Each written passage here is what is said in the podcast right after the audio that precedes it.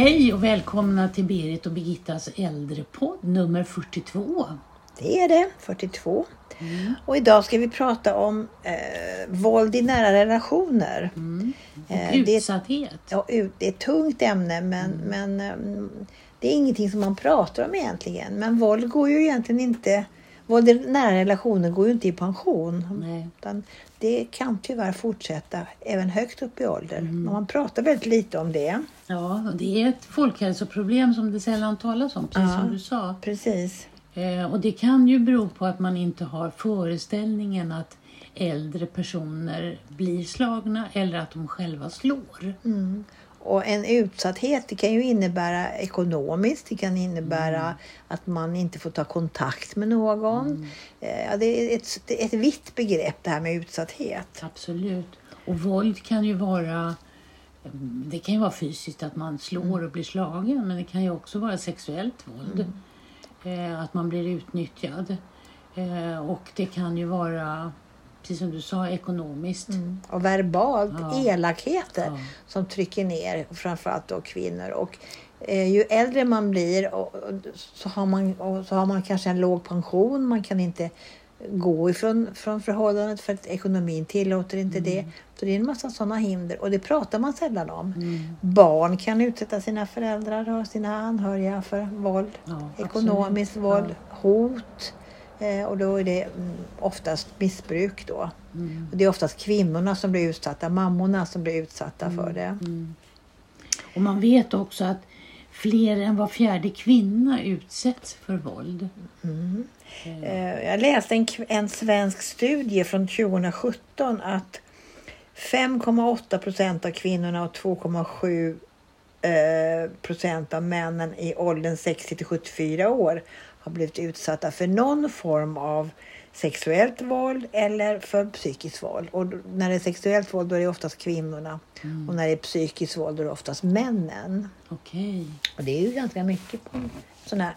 Och en undersökning på Gotland hade man eh, gjort en enkät och då, då var det, och det här är från 2012, då svarade 16 procent av kvinnorna och 15 procent av männen att de någon gång efter har fyllt 65 år hade utsatts för någon typ av våld eller försummelse. Och försummelse kan ju vara, det innebär ju ganska mycket. Det kan vara att man blir bortglömd när man ska ha hjälp eller att man inte får eh, den vården man ska ha. Eller, ja, det, det är ett, ett vitt begrepp men det är ganska många i en sån här, på en sån här liten enkätundersökning. Ja, det är det faktiskt. Det är väldigt många. För det är ju inte... Hur, hur stor är befolkningen? Ja, jag vet inte hur stor den är på Gotland men det låter ju väldigt mycket, 15 respektive 16 Ja, procent. det är väldigt det är mycket. ganska mycket. Ja. Eh, och eh, man pratar inte heller så mycket om våld av olika slag inom omsorgen. Ehm, för att det är inget som man, man pratar om egentligen. Det är ganska, och jag tror att det är ganska stort mörkertal där också. För man och inom hemtjänsten så, så, så pratar man ju oftast bara om att personalen blir utsatt men inte att när man kommer hem till så ja, man upptäcker det så, så vet man inte riktigt var man ska föra det vidare någonstans. Nej. När man ser kanske i en familj maken far illa, någon av dem far illa. Vad ska man ta vägen med den informationen? Ja, man måste ju föra den vidare. Jag tänker så här, förr fanns ju kuratorer på vårdcentraler och sånt där nu, men, men all den här privatiseringen som har blivit så tror jag att det, den, de tjänsterna är ganska få. Ja, det är de. Så frågan är vad, vad den personalen, förutom sin, sin ledning naturligtvis ska de ju vända sig till, men vad gör man av informationen och framförallt vad gör man åt den? Ja, men om man, om man misstänker att någon eh, blir utsatt för våld av något slag och som kanske också bejakar, säger att de blir det eller förnekar att de blir det så är det ju ändå socialtjänsten man måste vända sig till och tala om att man misstänker att det förekommer våld i den här familjen. För det är ju de som ska ta hand om det. Ja, men man undrar ju vart, vad man gör åt det. Ja. man, man vet ju idag vad, vad lite hjälp eh, utsatta kvinnor får som, som blir utsatta för våld i nära relationer. Vi hör ju dagtalare om kvinnor som till och med dör. Mm. Eh, så att jag, har, jag kan tänka mig att det är, en, det är en svår nöt att knäcka när det gäller de här äldre. Ja, och det är precis som du sa, många kvinnor som är utsatta. Det är 80 fall per dag som anmäls av misshandel. Mm. Men allting, det kan ju vara att man anmäler men man går inte vidare. Nej. Man törs inte gå vidare Nej. med det. Men jag tänker också på, både du och jag har ju träffat, träffat på de här paren där man ändå har kunnat sett att det inte har funkat konfliktfritt i ett förhållande. Mm. Eh, Där den ena har ett väldigt stort omvårdnadsbehov.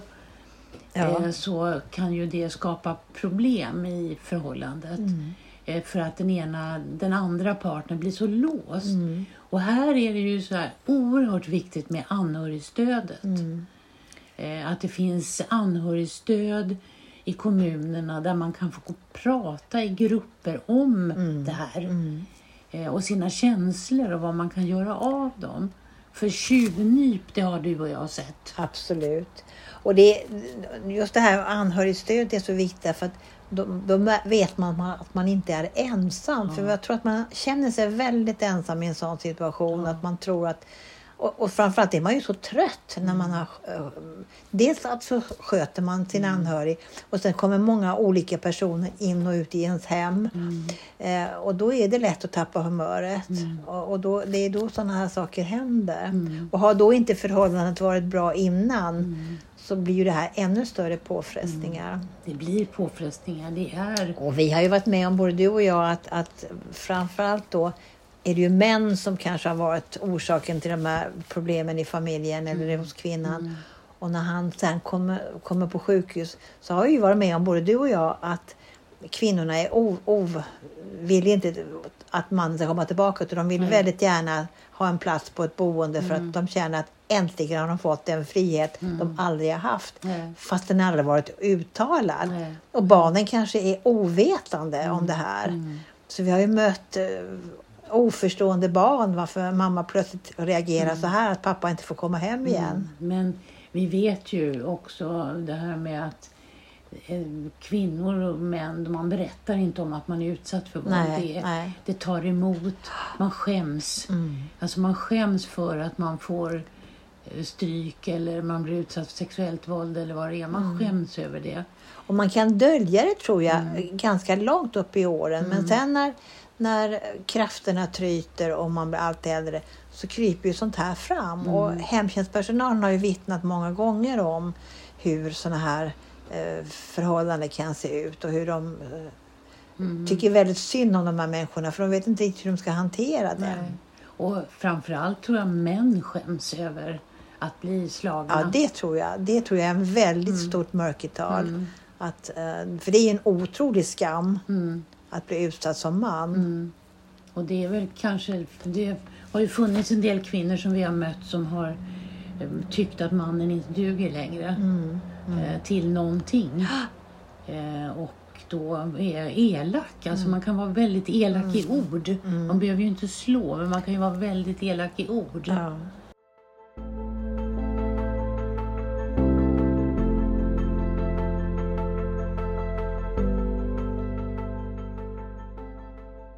Ja, och man tänker så här, man, man kan läsa, man tänker på Alexander, ehm, hans bok om brännande av mina brev, hur, hur hans berömde farfar eh, kanske inte slog mamman mm, eller hustrun, men, men hade en otrolig auktoritär och elakt. Så att alla var ju skräckslagna i det här hemmet. Ja, det var morfar va? Ja, det var morfar. Ja. Mm. Och det, det är ju en... Jag tror inte det var unikt på något Nej. sätt. Och inte, för, inte numera heller. Nej. Eh, så att vi, litteraturen vittnar ju om att det här förekommer väldigt mycket. Men att man döljer det. Mm. Mm. Och det finns ju i alla samhällsklasser. Ja, absolut. Det gör det. Man, man, det är inte bara ibland missbrukarkretsar som man eh, tycks tro. Utan det finns allt uppifrån, uppifrån och ner så att säga. Mm. Men det finns ju också berättelser om, om framförallt kvinnor, framförallt mammor som utsätts av sina söner för eh, att bli ekonomiskt utnyttjade. Mm. Eh, att de har missbruk och de kommer hem och eh, vill ha pengar. Mm. Och mamma kanske har en låg pension men hon måste ändå ge sin son pengar. Mm. Eh, och har inte råd att göra saker själv, kanske inte äta ordentligt för att han tvingar fram pengar och kanske tar värdesaker från hemmet och säljer, för säljer, att han ja, måste precis, ha ja. dem till missbruket. Och det skäms man ju också för. Eller. Eller flyttar in därför att man själv är bostadslös. Mm. Och det har ju också blivit en, ett bekymmer framöver. Eh, har man hört talas om nu hur vuxna, ja framförallt söner tyvärr är det ju så, som flyttar hem hos mamma eh, och, är ju egentligen inte alls berättigade att bo där. Nej. Det har vi också stött på inom hemtjänsten. Mm, mm. Att, att vuxna söner bor hemma hos mamma. Mm. Eh, och, fast, och mamman kan inte säga ifrån och Nej, säga nej. Hon har nej. svårt. Och det, så är det ju. Va? Man Mm. har ju svårt att säga nej till sina barn. Mm. Tror jag. Nej, och det har, vi ju, det har jag mött flera gånger i, som chef för hemtjänst. Att de har kommit och talat om att det är så mycket tvätt och det är så mycket disk. Och, Mm. eh, därför att man har upplevt att det kommer hit betjänter som ska ta hand om min disk fast jag är vuxen man och bor och har flyttat in hos mamma. Ja. Och så är det ju inte. Nej. Och de diskussionerna har ju varit väldigt svåra. Mm. Därför att den här kvinnan har ju velat skydda sin son då. då. Mm. Men man har ju ändå varit tvungen att säga att det är, det är din tvätt som vi ska tvätta, Mm, inte din sons tvätt som vi ska tvätta. Och det är din disk och inte din sons disk. Och det kan bli ganska hotfullt. Ja, det kan det. För de, är ju inte, de ser ju inte det på det sättet. Utan Nej. mamma ska ju alltid finnas kvar. Även Mm. om jag är 55 år och, och Mm. borde ha ett eget boende så, så tycker man att mamma ska fortsätta och serva. Och Mm. orkar inte hon det så måste väl de som hjälper henne hjälpa honom också. Mm. Så det där är bekymmer. Men vi har ju, och det är ju ett bekymmer det här att anhöriga utnyttjar. Men vi har ju också ett annat bekymmer. Det händer ju att personal är väldigt våldsam med, med äldre. Och jag tänker på den här kvinnan som bodde på ett särskilt boende som var väldigt hon var väldigt eh, orolig och försökte uttrycka saker. Men hon, kunde, hon hade inget tal så hon kunde inte uttrycka. Men hennes son förstod att det var någonting som inte var rätt. Mm. Eh, och då monterade han upp eh, kameror Mm. och spelade in. Mm. Och jag kommer ihåg den situationen där de kom till den här kvinnan. Och hon låg i sängen och de skulle byta blöja på henne. Och hon eh, tycker att det är obehagligt när de särar på benen. Och då skriker de åt henne. Sära på benen, det har du väl gjort flera gånger i ditt liv. Eh, och så är de väldigt hårdhänta med den här kvinnan. Väldigt hårdhänta. Eh, och det här det resulterade i naturligtvis i att de inte fick ha kvar sitt jobb. Men man undrar ju hur mycket sånt för, som det förekommer. Mm. Och jag tänker på, på boende, där, där är man ju ganska många som ändå kan upptäcka det här. Jag tänker på de här som går hem i, i folks enskilda hem som personliga assistenter. Mm. Hur utsatta man kan vara eh, som, som brukare eller Mm. som, som vårdtagare eh, när du inte har ett ögonen på det där. Mm. Eh, man är stel och man ska ha hjälp med alla möjliga, i alla möjliga situationer. Mm. Hur, hur, hur ser man sånt? Nu är inte det våld i, nära relationer men det är en vårdsituation. Ja, det är våld som man utsätter äldre för. Ja, och det är i en vårdsituation Ja. som inte man har koll på. Och Nej. det här är väldigt mörkertalat och det här pratar man inte om. Nej. Jag har funderat på det jättemånga gånger. Ensamma boende som ska ha personliga assistenter som kanske har många personer, men de kanske bara har en åt gången. Hur vet jag att eh, den här personen får den vården? Hur vet jag att inte den blir utsatt för något annat? Mm. Om jag inte har tal till exempel eller inte kan uttrycka mig. Mm. Så det är stora krav på kontroll och att man som, som eh, vårdgivare verkligen har kontroll över sånt här. Jag tänker på alla de här som har mycket, det är mycket privata utförare idag som, som jag undrar om kommunerna har he- helt koll på. Nej, det är väl svårt att ha. Det är ju svårt att ha hel koll också. hem, det, går ju, det är ju Ja. jättesvårt att ha det. Ja. Mycket svårt. Och det är ju också så att många som inte kan uttrycka sig kanske utsätts. Men det utsätts för att bli kallad framförallt elaka saker tror jag. Mm. Jag tror inte att det är så mycket slag, Nej, men jag men- tror att det är mycket psykiskt våld. Eh, Men det som är viktigt i de här lägena det är ju att man förstår att det finns personer som, som kan bli utsatta och att personalen får stöd i, alltså handledning i hur man ska hantera vissa situationer.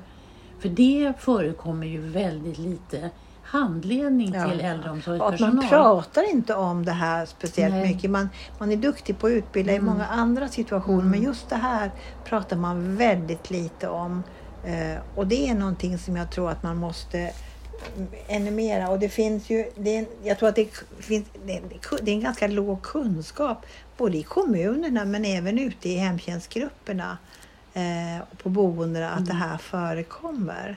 Och gör det det så, vill man, så tystar man gärna det. Man kanske inte är eh, så an, anmälningsbenägen om man Nej. ser en, en arbetskollega uppträda olämpligt. Men det är oerhört viktigt att man liksom är uppmärksam på det. Ja, och jag tror inte heller tyvärr att man törs ha så mycket kurage så att man kommer tillbaka till sin grupp om man nu jobbar i hemtjänsten och säger jag har så svårt att gå till den här personen för jag blir så, jag blir så arg, jag blir så störd. Mm, Eh, och kan vi lösa det på något sätt? Jag tror inte att man törs, törs säga sådana saker. Du menar att man har ett eget, att man själv Ja. blir så arg så att man är rädd för att man tappar kontrollen? Ja, eller man förhör att man säger elaka saker Ja. och förstår att nej, men jag är inte bra i den här Nej. miljön. Och att man går tillbaka och berättar Att det. man har den självinsikten? Ja, ja. Nej, det tror jag inte att man har.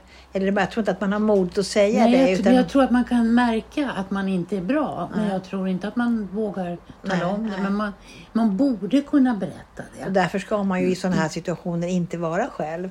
Nej, Man ska nej. dubbelbemanna i så fall och, och så. men det, det vet man ju inte när man ska göra. Nej, nej, så är det ju. Ja, Birgitta, det här med våld i nära det är, en, det är ett mörkertal tror jag. Och det, är, det vet ju alla som, som har varit utsatta för det, att, hur svårt det är. Dels att anmäla och dels att erkänna det, att det här går nog över och det här är nog inte så farligt. Men som sagt var, våld i nära relationer går inte i pension. Det fortsätter även upp i åren. Ja, det gör det. Och det är inte så att man ska, man ska inte behöva utsättas för det och vi ska inte tolerera att eh, man, man, att man ser det och förstår det. Utan man måste kunna vara uppmärksam på det. Absolut. Och prata om det och, och påpeka det och göra någonting åt det framför allt. Och våga tala om att mamma eller pappa ser inte fräsch ut när jag kommer och varför då? Ja. Eh, därför att man missköter eller inte ser till att man får den omsorg man be- behöver. Absolut. Ja, det var väl vad vi hade idag, Birgitta. Ja, så är det. Har Det var ett tufft ämne men Ett viktigt ämne. ett mycket viktigt ämne. Tack för idag. Tack själv.